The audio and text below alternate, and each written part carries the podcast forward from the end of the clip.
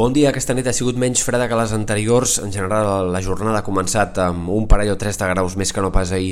en molts indrets, especialment a les comarques de Girona, i avui esperem que també al migdia el termòmetre tendeixi a pujar una mica més. Màximes també més altes en una jornada de dilluns que s'entreveu bàsicament assolellada, tot i que hi hagi algunes bandes de núvols prims que sobretot a la tarda vagin en augment, especialment en comarques del sud i de l'oest. Eh, som en una primera part de la setmana que estarà marcada per un estiuet. Les temperatures seguiran pujant demà i dimecres, sobretot els valors nocturns, però també al migdia la xafogó es farà protagonista en alguns sectors de la costa, especialment a les comarques de Girona o en el vent de Garbí dispararà amb més força la temperatura que no pas en altres indrets. Tot això amb un temps encara demà amb més sol que no pas núvols, tot i que pugui haver-hi alguns núvols baixos matiners, sobretot al voltant de l'Empordà. Dimecres cel més enterbolit, més variable, però sobretot les opcions de pluja arribaran entre dijous a la tarda i divendres al matí, moment en el qual la inestabilitat es farà molt més notòria i cal esperar probablement alguns ruixats que afectin força comarques, especialment centrals i del nord-est, és a dir, comarques de Girona i de Barcelona